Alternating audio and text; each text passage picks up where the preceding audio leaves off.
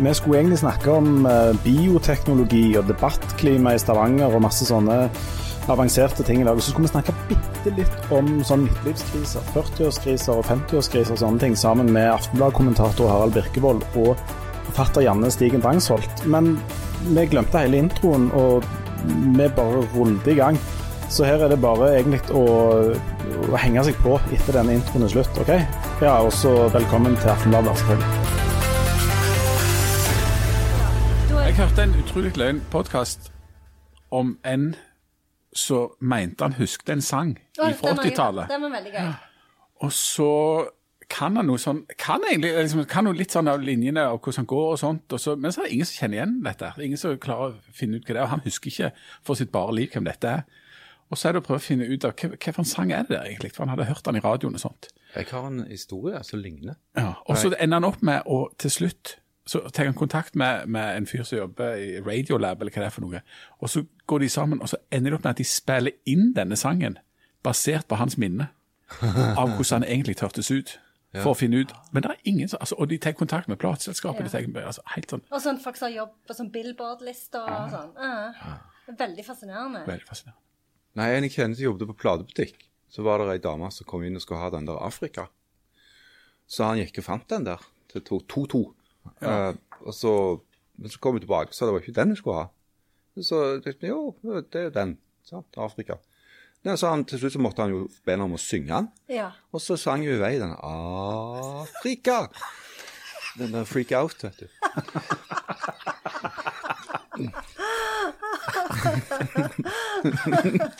Der er, Hæ? Tenker, ja, Okay. der er, ja. De, altså, men folk som har jobbet i platebutikker, som skal prøve å gjenkjenne sanger, de utvikler jo en helt egen evne. De blir sånne sånn eh, Yoda. Og en sånn tolkningsevne, der folk kommer inn Du har den derne Ja, ja. ja, ja. Det er den uh, Primal Screen. Ja, stemme, stemme stemmer, stemmer. stemmer. Ja, ja. Jeg skal begynne dette. Ja. Jeg har begynt. Jeg trodde vi var i gang. trykke Record for lenge, lenge, lenge siden. Men skal vi kjøre sånn intro nå, da? Ja, det er klokt. Hva er det vi snakker om nå? Er det mitt vi, vi er ikke helt bestemt oss for hvem vi skal snakke om. Det, det er tema jeg eh, kan en del om. Ja. Ja. Men du, vi snakker om, vi snakker om midtlivskrise. Vi har jo fått med, vi har jo med oss eh, Janne Stigen Drangsholt, som ja, men, men, men så er vi jo mer sett for vandrende livs, livskrise. livskrisen, Janne Stigen. Vi har to vandrende eh, livskriser, både Janne Stigen Drangsholt og Harald Birkevold. Jeg har jo the tats to prove it. Du har så. Så det, Ja, men har og vi har ikke inn- engang snakket om pippene. ja, men har du tatt inn nå? De er helt nye med de andre. Ja, Men nå blir jeg overraska. Ja, Du skulle jo ta koronavirus her. Ja. Jeg feiga ut. Du ikke, Men du det kan tatt bli neste gang. Du Det er at jeg også er i tvil, for det, jeg har jo dyr her på den siden av kroppen og planter på den.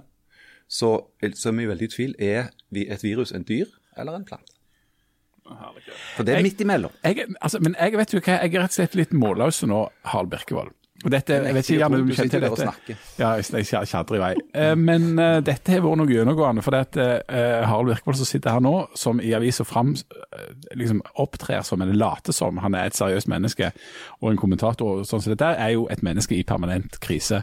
Nå har han møtt ei eh, tatoverte i et av sine utallige ekteskap. Um, En av midtlivskrisene. ja, en av, en av utallige midtlivskriser som ender opp i et ekteskap.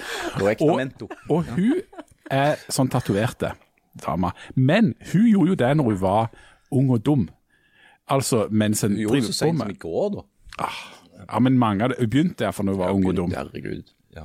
I Las Vegas, tror jeg. I Las Vegas. Og, og da går det på en måte an unnskylde det hvis du er liksom eh, ung og, og liksom skal prøve ut nye ting. Men du, med hu. ja, her sitter du, en mann over 50 år, og har begynt å tatovere seg. Og det, det første han da tatoverte, var en laks. Nei, det var det ikke. nei, nei. nei. Nei, nei det Det var en blåklokke. en blåklokke. Ja, sant? Ja. Inne på armen, og så kom det en laks, som er en ørret. Nei, det kan bli en høresyke å gjør sånn. Og så er han skrytt av at han skal, at han skal eh, tatovere et koronavirus i albuen For det du skal til du hoster. Å, Og så har det blitt blomst... Nei, så har det blitt er er småfugler. Hva er det som har skjedd? Det er penger å hente hvis du klarer å gjette hva, hva Eller gjette, vet du hva for noen fugler det er? Gjøk og sissik, toster og stær. Ingen av de var rett. Det er en dompapp. Nei. Rødstrupe. Ja. rødstrupe, og så er det Kjøttmeis. Ja, og en bæremeis. og en bæremeis, ja. Nei, og det siste er Nei, jeg vet ikke. Kanarifugl. Men Ser jeg en liten fugl? Som fyker lågt over fjorden. er det den der, den der eh, fuglen som han uh, Stavland hater så intenst? Løy en liten den ned? blå meis. Blåmeis. Blå-. Nei, en blåfugl Ja, det var det. rett i vinduet. Men, men du, hva, hva skjedde med dette koronaviruset? For det var jo det, det Du har jo lovt at du skulle um, tatovere et uh, koronavirus i I, der som i du skal nyse. Ja. Hva skjedde med det? Nei, jeg feiga ut. Ehm, men så er det òg altså, det er komplisert, dette. Fordi at eh, jeg har en regel sant, om at det er dyr på venstresida og, og planter på høyre. Og så er jo det koronavirus er jo litt sånn Jo, men hva med å gjøre Nå har jeg en idé. Ja. Eh, Du tar og eh, tar koronaviruset her. her. for det rammer jo her, altså, ofte lungene, har jeg hørt. På radio må du, må du i tillegg si hvor her Ja, er. Ja, brystet. På brystet. På brystet. For det blir jo eh, kjempefin symbolikk både Ja. midt imellom eh, Men Fordi her du skal klarer jeg ikke å ha en bestemme gigantisk ørn. Å ja, OK. Ja. Men, Men det kan jo eventuelt være en ørn som har et koronavirus i klørne. Og der er det veldig fin symbolikk. Dette kunne du gjerne det skrevet ørnen bok om. Det kunne vært begynnelsen på ei bok Ja. med en mann som har tatovert en ørn med et sånn koronavirus Ja, og i det ørnen er jo, har jo selvfølgelig hodet til Donald Trump. Som er den som skal redde, ta koronaviruset og fly av gårde med det og redde menneskeheten. Hvis ikke, du får, hvis ikke dette er midtlivskrise, så forstår jeg absolutt ingenting. Nei, Og men grunnen det- til, at vi, men grunnen til at vi skulle snakke om midtlivskrise, var jo egentlig fordi at Leif Tore Linde på lørdag blir 40 år. Å, du milde måne. Det er jo en slags merkestein. Da har du jo kommet ah, to tredjedel, tre fjerdedel ut i livet. Jan Zahl og matematikk. altså Hvis du låner fra tieren, da, og så deler du på 100, så er du kommet Og så må du, to tredjedels så må du fjerdedel. Du må ha pi inni der en plass. Og det, BMI. ja, men, men, men det å fylle et rundt år, det er jo forbundet med kolossale angst for mange. Bare for å liksom starte med deg, føler du på angsten nå? Nei, jeg gjør ikke det. Men, og, og, det forteller jo to ting. Enten at du ikke har angst, eller at du uh, bare holder den såpass på av... Ja, ikke har følelser. Jeg tror jeg egentlig jeg er der. Eller at du bare holder det litt sånn på avstand, uh, og ikke vil vedkjenne deg angsten. Altså Hvis du ikke har et psykisk problem, så betyr jo bare det at du ikke er klar over det ennå, og da er det mye mer alvorlig. Så jeg frykter jo at det er den varianten. Men um, jeg har til nå ikke kjent noe som helst sånn frykt for å bli 40, da. Um, men så har jeg jo drevet eh, jeg har drevet og lest litt om dette her, og jeg har forstått at livslykken vår er forma som en U.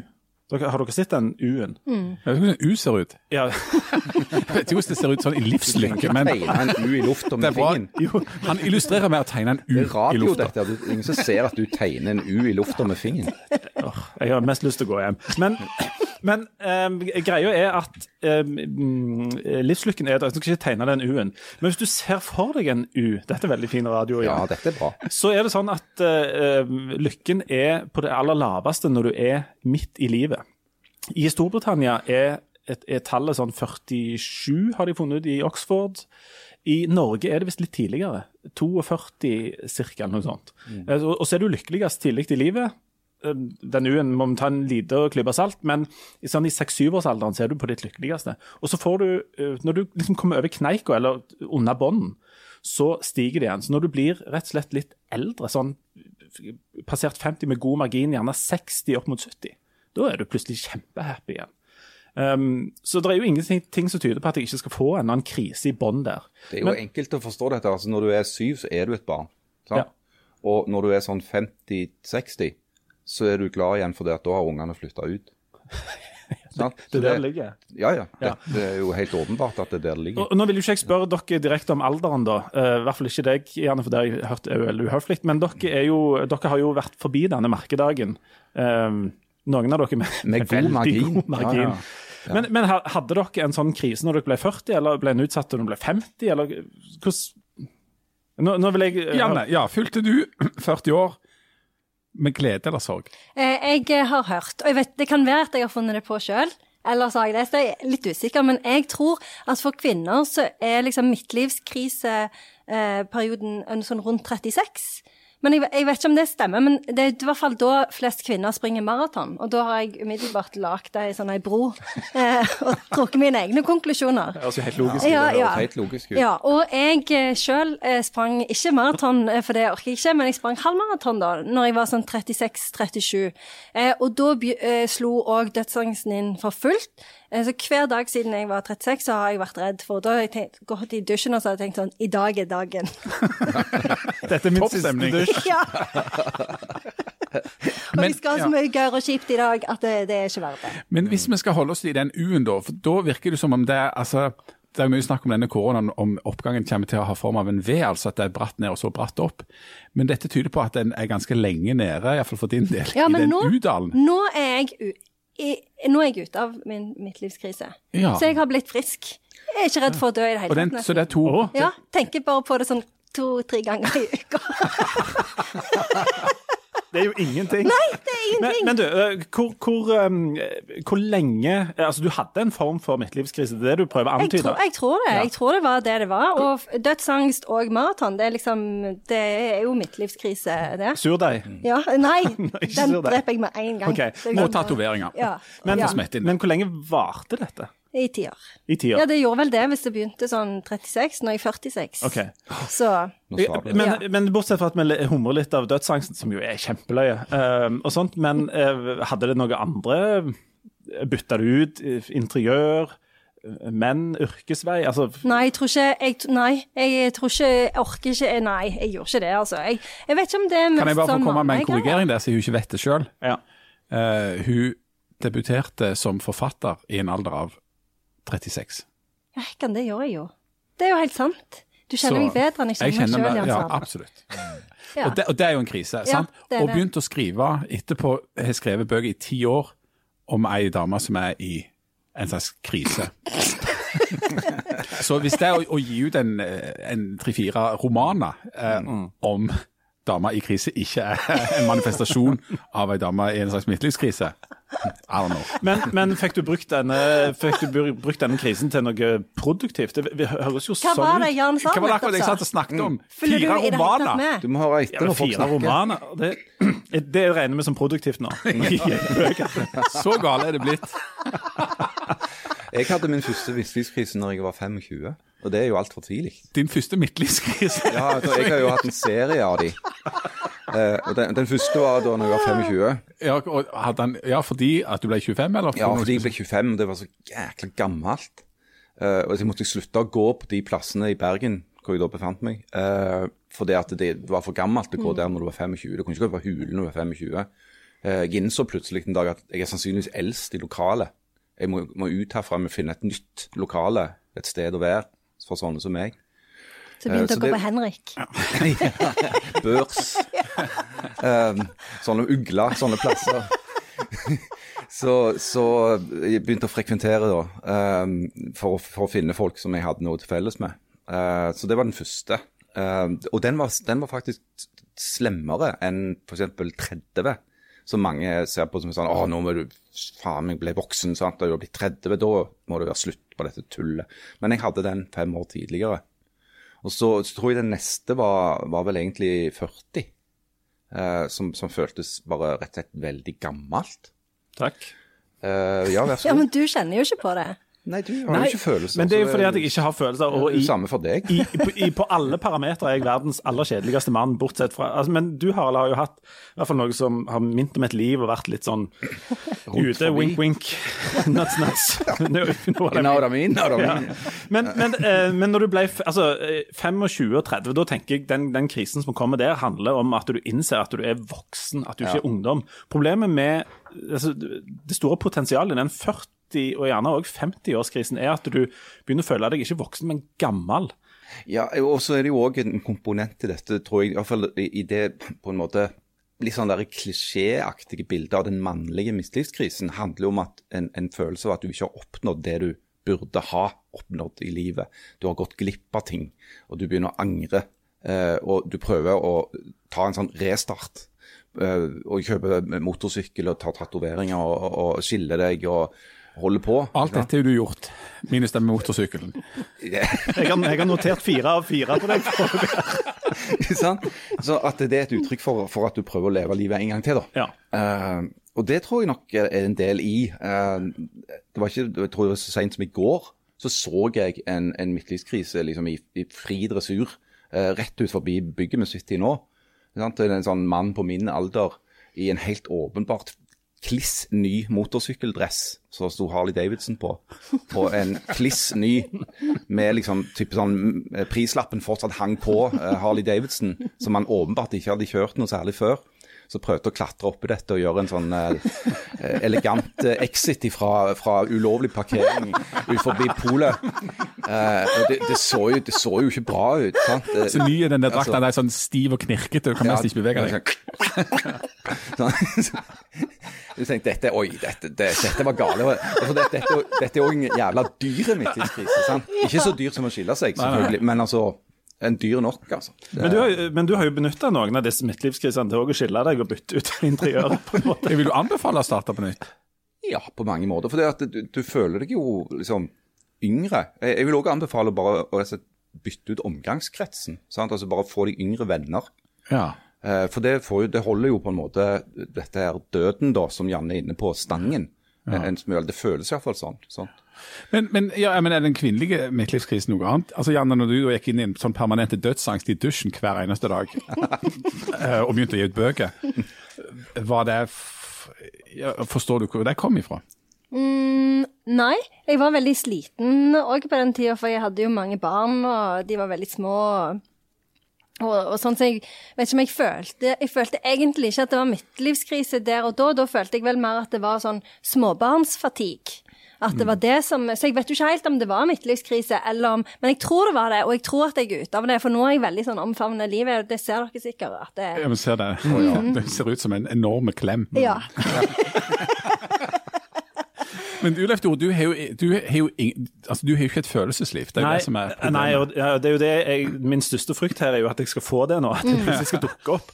At jeg skal begynne å kjenne på andre følelser enn trøtt, sulten, hoien og interessert i fotball. Det er jo mine fire grunnfølelser, da. Eller de eneste jeg har. Det er surt, søtt, bittert, salt. på Ja, den og at det skal dukke opp Og umami. Og umami. Ja. umami den er litt udefinert for hans del nå. Han Så- vet ikke det så- smaker. Det er Ja, Frykten er, frykten er jo på en måte det, da. Og at det, at det skal dukke opp uh, ting som kompliserer livet. F.eks. at du begynner å like eller mislike ting sterkt. Eller begynner å få ja, interesser, f.eks. Det frykter jeg jo voldsomt. At jeg skal begynne Slektsgransking. Sekt? Slekt. Slektsgransking. Å ja, jeg syns du sa noe helt annet. Sexgransking. Ja, jeg minner om at dette er familieprogram. Jo, men altså, du må jo bare drive med sexgransking. Ja, ikke sant. Men, eh, så, så jeg frykter jo de tingene der. Og så har jeg òg tenkt at altså jeg, mine unger, jeg fikk unger ganske tidlig, så mine unger er ganske store. Altså Når jeg runder 40 nå, så har jeg ei på 16 og ei på 12. Eh, hun på 16 skal flytte og gå på internatskolen, og så jeg ender opp med én unge. Så jeg tror um, For jeg har òg lest at noe av denne midtlivskrisen ja, altså Mange får liksom ikke tid til å ha den helt fordi at ungene er små. Sånn at, så Det som du snakker om, at den der eh, utmattelsen eller den småbarnsfatigen egentlig ligger som en sånn dekke over, sånn at den, den gjerne kommer litt seint. Men jeg tror jeg har alle tiders mulighet til å få denne her, for jeg har liksom anledningen er der da. Um, så det dukker nok opp i et, på en eller annen form. Men du Jan, du- har du, du slipper jo veldig billig unna Ja, du stiller jo bare spørsmål. Jeg, jeg satt her og tenkte Hvorfor er det ingen som spør meg om mine midtlivskriser? What about me? Fortell. Jeg har jo uh, vært gjennom forskjellige midtlivskriser.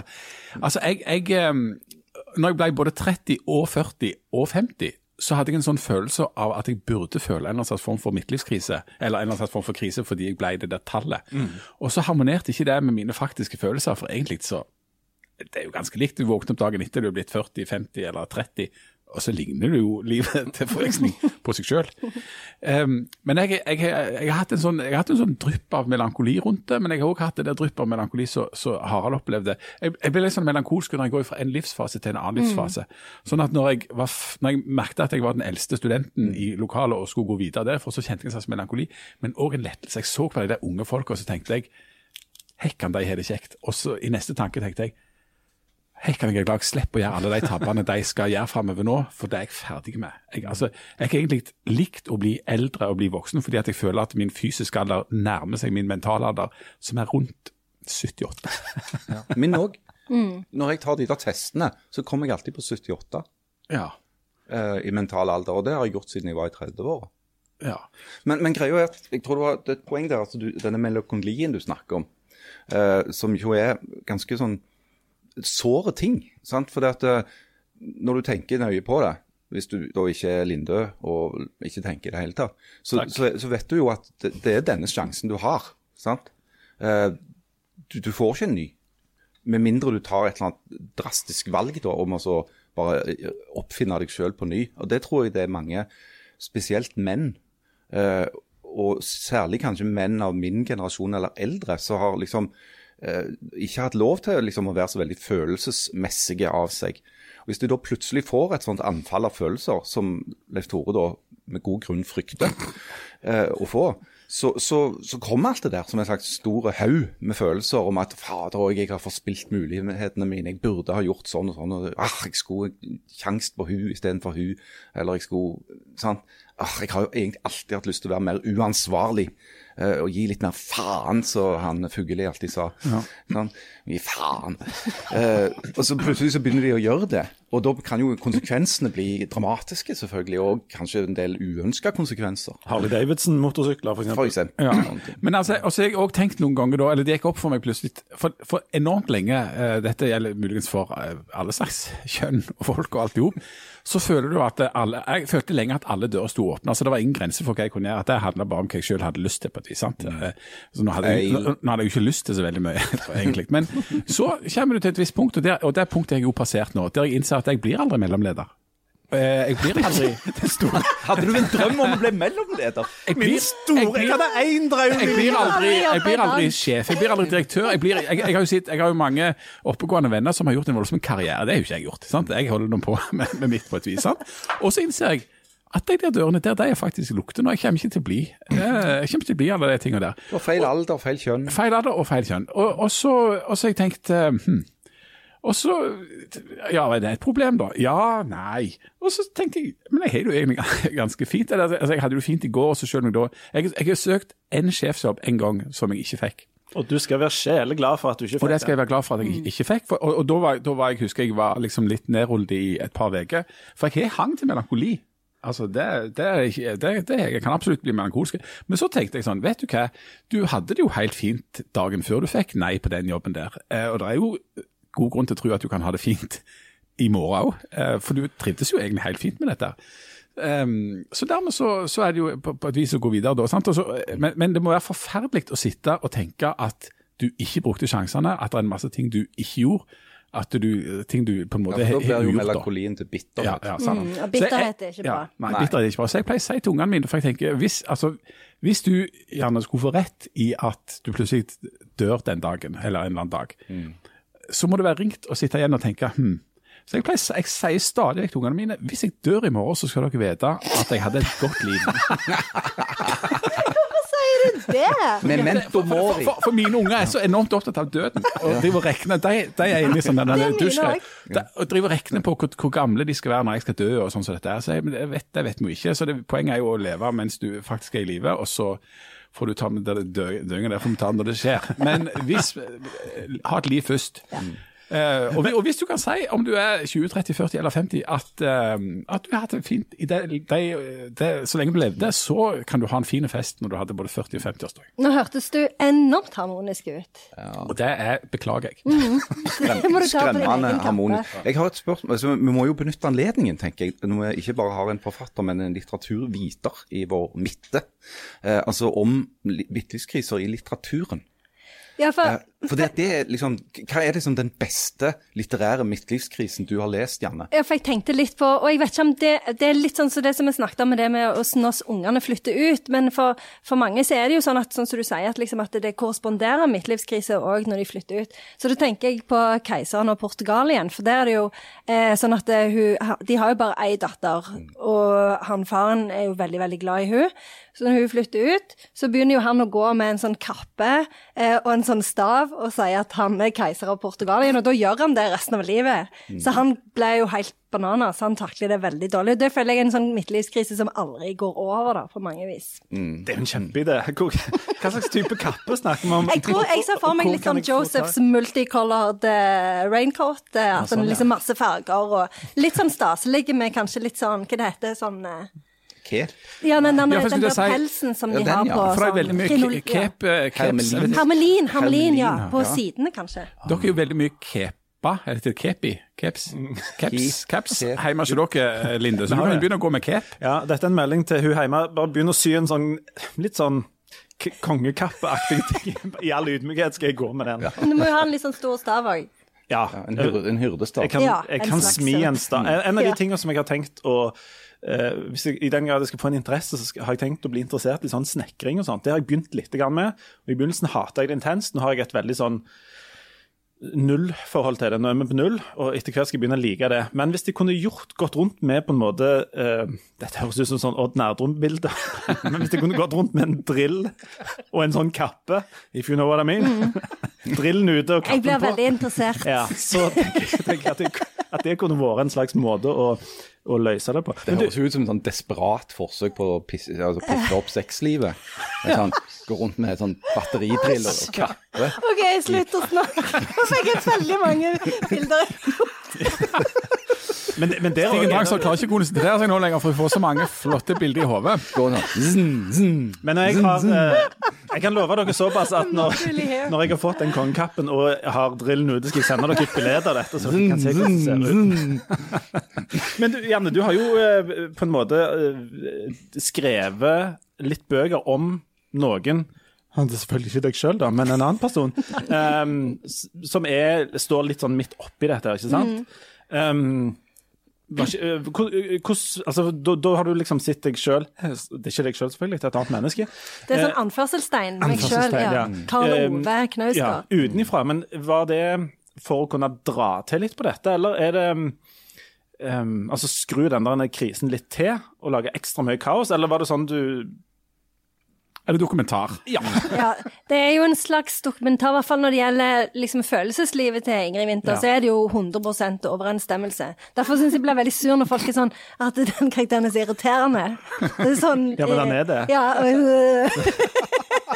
Men jeg kan si at det, i, eh, i den bok nummer to om Ingrid Winther, som heter 'Vinter i verdens rikeste land', den begynte med en sånn en idé om en sånn en HF-mann som eh, går rundt med et Du må sånn forklare hva HF betyr. HF-mann er jo en sånn en akademiker som gjerne har tatt kunsthistorie og litt-hvitt og eh, nordisk, kanskje. Humanistisk fakultet. ja, en sånn vag plan om å bli lærer, men så ble han aldri det. Også... Det er ikke en drit. men han fikk seg en jobb til slutt. Men, men, Det er Norge. eh, men han har alltid syntes at det har vært litt vondt, og at han ikke har begynt med snekring, da. Ja.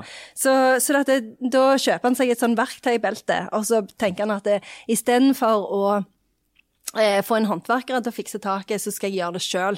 Så jeg, liksom, det var det bildet jeg hadde i hodet av en sånn Gjerne han får med seg noen sånne kompiser med Joy Division-T-skjorter, og så går de rundt i hagen og kikker liksom opp på taket og lurer på hvor de, hvor de eventuelt skal sette i gang, da.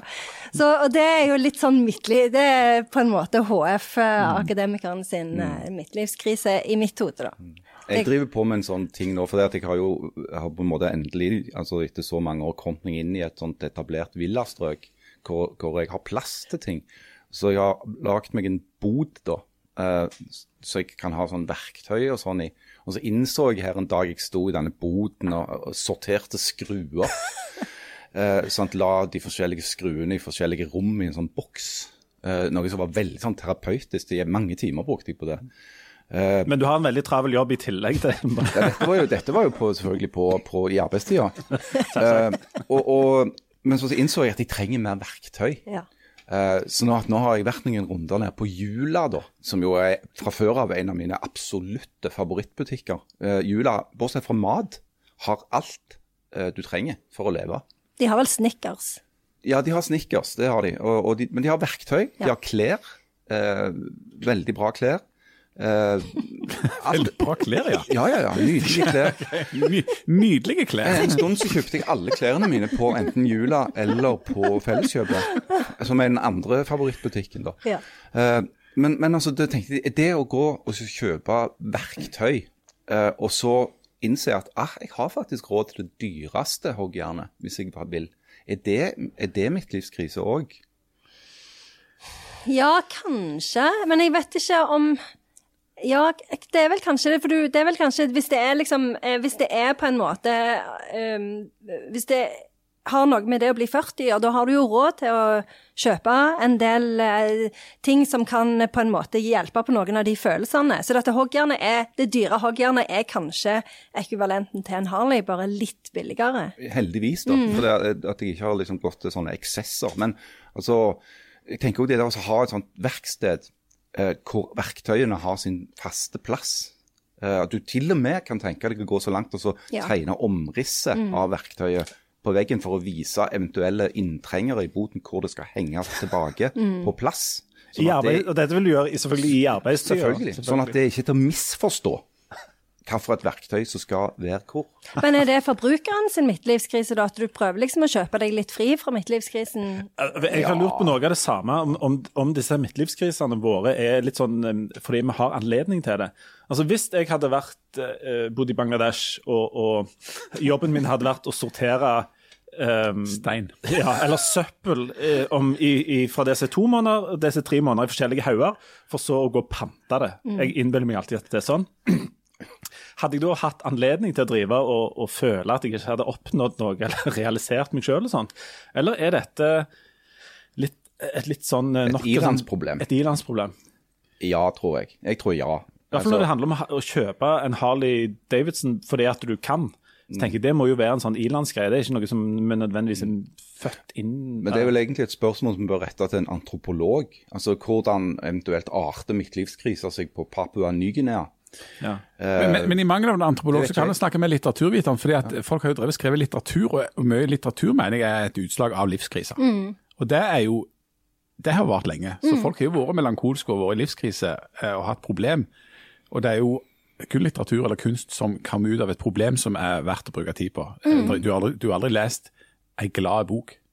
Nei, og det er jo kanskje sånn at det, det er jo kanskje først og fremst, hvis, i hvert fall hvis du ser på romanen, så er jo det middelklassen som driver med sånt. Så det er jo de som har på en måte et eget rom og penger til å kunne drive med den slags. Mm. og de har jo òg tid til å ha midtlivskrise og muligheter for det. Hvis du har mer enn nok med å prøve å skaffe mat til deg selv og familien, så kan du ikke sette deg ned og være melankolske. Men hvis du har et rom i villaen din som ingen bruker til noe, så kan du gå inn der og, og, og sitte helt til du føler et eller annet, føler at du har det vondt, og så kan du gå og prøve å gjøre et eller annet med det etterpå. Hvis du hvis da ikke ikke så- er en i- iskald fryseboks etter Leif Tor Linde. Det var rette, rette røde som feis, eller rette fryseboksen som frøys. Um, men du, jeg, jeg har som sagt, jeg har prøvd å lese litt om dette, og inntrykket mitt av, av disse her krisene er at det handler ganske mye om altså det, At du får etablert en slags sorg uh, for å være litt alvorlig. Altså at du blir veldig eh, Utgangspunktet er at du blir lei deg og nedstemt fordi at denne opptellingen sant? Livet ble ikke helt sånn som du hadde tenkt. Uh, og når du sitter der i 40, så har du fremdeles altså, Gjelda piker, du har den samme jobben, uh, du kom liksom ingen vei.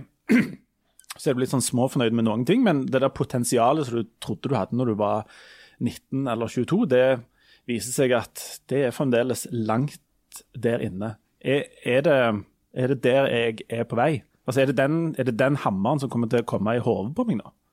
Ja, det gjør jo det. For, nå tenker, for jeg husker når jeg ble 40, så var det sånn, jeg tenkte ikke så mye på altså Da hadde jeg jo vært i krise siden 36, så det var jo ikke noe problem for meg. Men eh, da gleda jeg meg til å liksom ha en fest og liksom ha det gøy og sånn. Så dette, 40 er jo ikke et problem i seg sjøl, så du må jo bare grue deg. Ja, ja, jeg, Ja. jeg prøver så godt jeg kan Ja. grue meg voldsomt til dette. Så det, det vet ikke hvor de vil tenke kanskje sånn Hvis jeg ser på deg nå, mm, kanskje sånn 47? Kanskje det er da? Men da vet du jo at du er på bunnen av den U-en uansett, så da er du jo på vei oppover. Så det er jo ikke noe problem.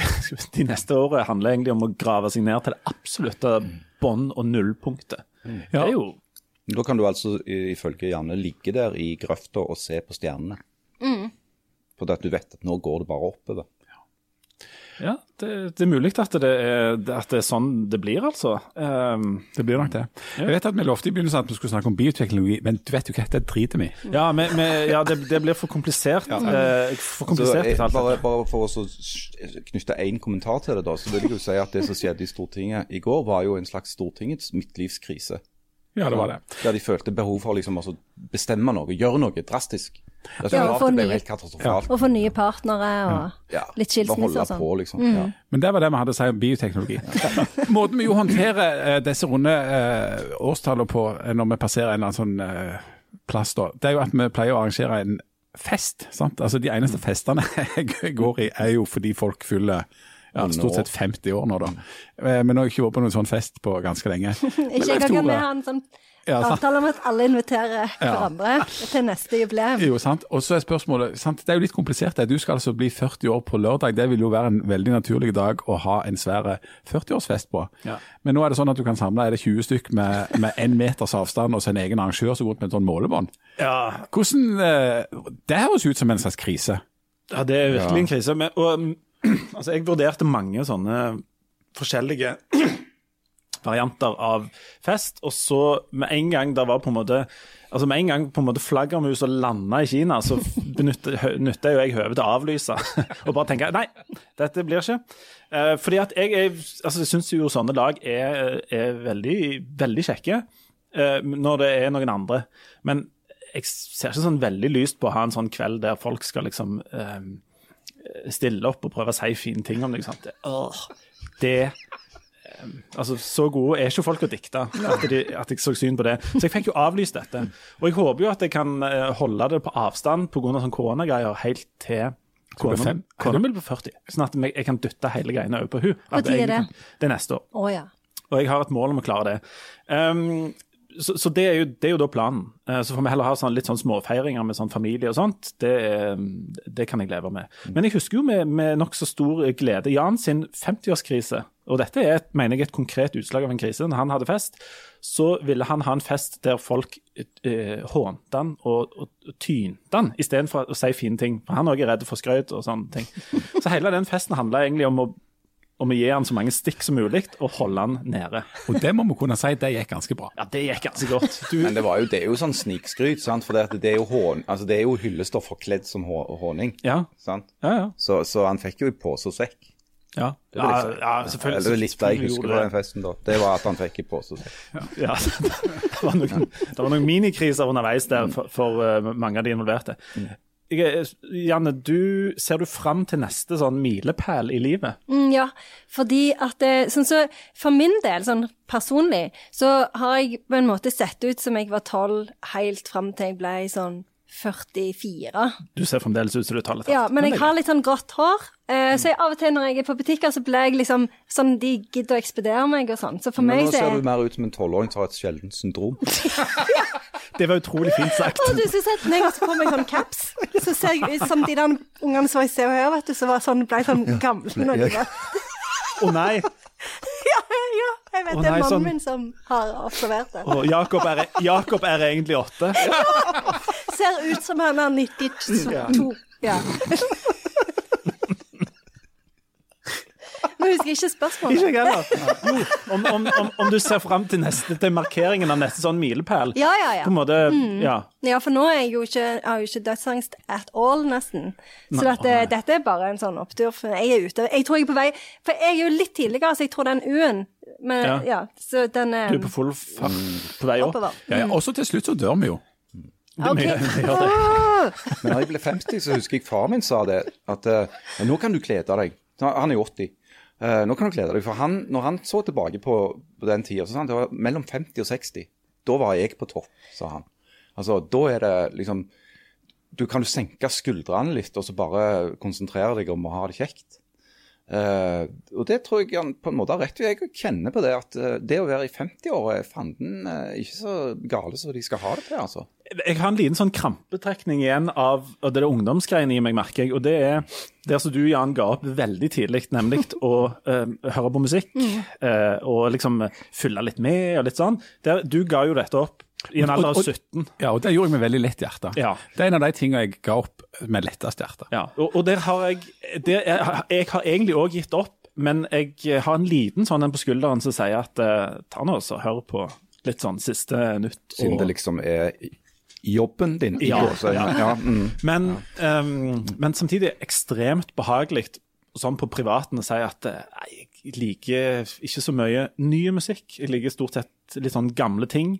eh, Og sånt. Og det, den følelsen der av å, at skuldrene liksom jeg ja, dritig. I. Så, så tror jeg, lurer på om den 40-årskrisen, om, om den der, den der litt sånn desperasjon etter den ungdomsgreien, om det kommer til å få et, kommer til å blusse opp igjen da.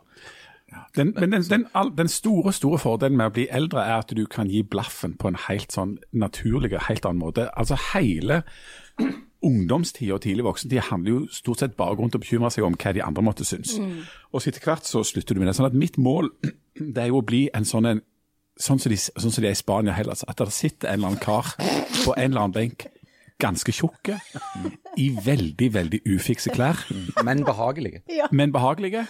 Eh, og jeg skal muligens vurdere å begynne å røyke. Altså Bare sitter du der, og så ser du ikke ut, og så er du ikke noe spesielt sånn grei. Det bare helt eft. Og så bruker du hele dagen på å vurdere å spille backgammon, men Ja. jeg gidder ikke. Og så går du hjem og så raper, raper du og legger deg. Altså, du, du gir du, du er, da, da vil jeg si at du er et totalt fritt menneske.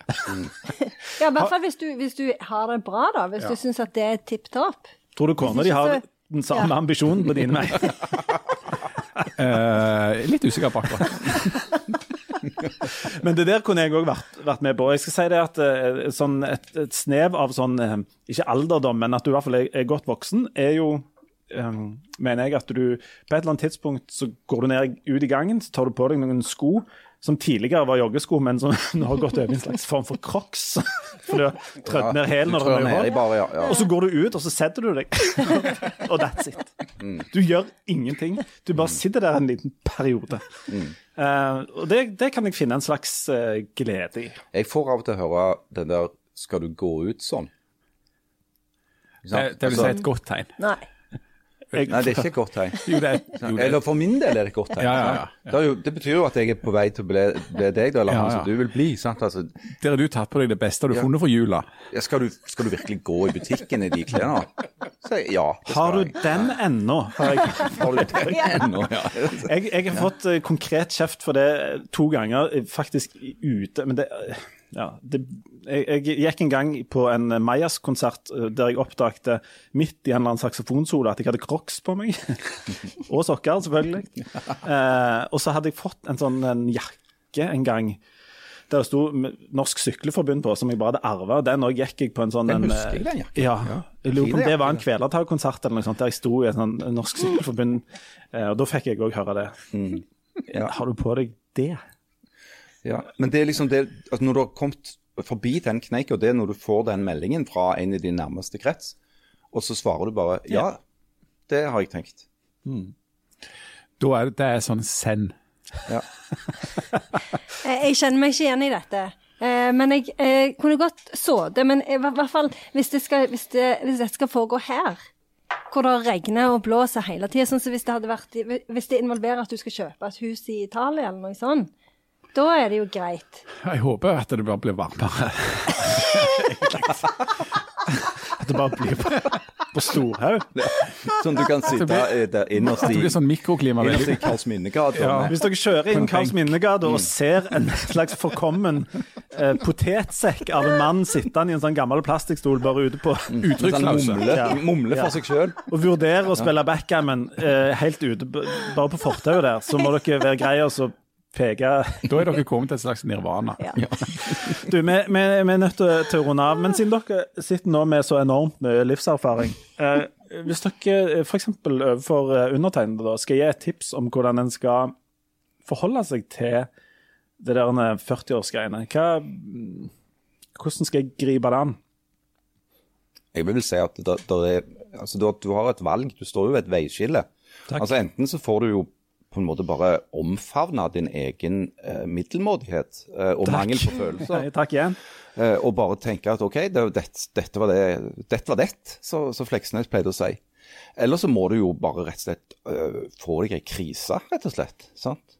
Har du noen konkrete forslag til hva det kan være? Du vet jo Altså Nei, Jeg gidder ikke begynne å tatovere meg med, med dyr på ene armen. og- Altså dele opp i flora og fauna. Jo, men det der snekkerprosjektet ditt, det er jo en krise. Få deg en hobby, for eksempel. Altså en sånn litt sånn gubbete hobby. Være med deg på jula, kjøpe klær Være og med på jula, kjøpe klær, verktøy, sånne ting. Begynne å interessere deg for uh, fortida, slekt. Uh, krigen, altså da mener jeg Begynne med den seks, uh, som du holder på 40 med. til 45. Ja, sexgransking kan du begynne med. Sånne ting. Mitt tips er at nå har du levd 40 år som avholdsmann, nå kan du leve 40 år med å drikke. Vet du, det har jeg helt glemt. Jeg har lovt ganske mange i livet mitt at når jeg ble 40, så skulle jeg egentlig skulle gjøre tre ting. Og dette kom jeg på nå. Dette oh, er veldig, Og nå- nå- veldig lite smart å minne meg sjøl om. Nå skjer det. Åh, og det var at jeg skulle uh, begynne å putle drikke. At jeg, ut, at jeg skulle hive alle klærne mine og kun begynne å gå i dress. Det gidder jeg ikke. Det vil bare si, det, det gidder jeg ikke. Det hadde vært tøft. Og den siste tingen, ja, for så vidt. Men den siste tingen er en gammel avtale jeg har med noen eh, kjeltringer og noen kompiser fra oss òg. Det var at når vi ble 40, da skulle vi begynne å gå på travbanen. Ja. Fulle i dress på travbanen. Dress mens du drikker. Jeg er veldig usikker på hva vi skulle gjøre på travbanen, men vi så for oss at vi, en gjeng satt rundt et bord der på travbanen og var litt sånn sure og misfornøyde med ting. Og så sprang det en gjeng med hester rundt og rundt ut forbi, uten at vi egentlig brydde oss så mye om det, men vi skulle i hvert fall møtes på travbanen. Da føler jeg at vi er en plan. Du må begynne å lese Trav og Galoppnytt. Det er En av de faste spaltistene der heter Dag Solstad. Ser du det? Mm. Dag Solstad, Det han ikke vet om trav og galopp, er ikke verdt å vite. Akkurat. Nei, jeg prøver å lese minst mulig. Eh, Egentlig den siste boka jeg leste, handler om en eller annen dame som driver og vaser rundt i Japan med å prøve å fange humler. Jeg vet ikke om jeg orker meg sjøl orker å gå gjennom det. Den er ganske få som har lest. Ikke sant? Men aller, aller, aller sist så må vi da bare takke for oss. Og så beklager jeg at vi ikke kom gjennom verken bioteknologi eller andre ting, men dette var, ble såpass omfattende at det ble sånn. Og så må du bare huske at du skal dø. Tusen takk. Vi snakkes om ei uke, og da er jeg 40. Gratulerer. Gratulerer. Gratulerer. Ha det godt. Hei, hei.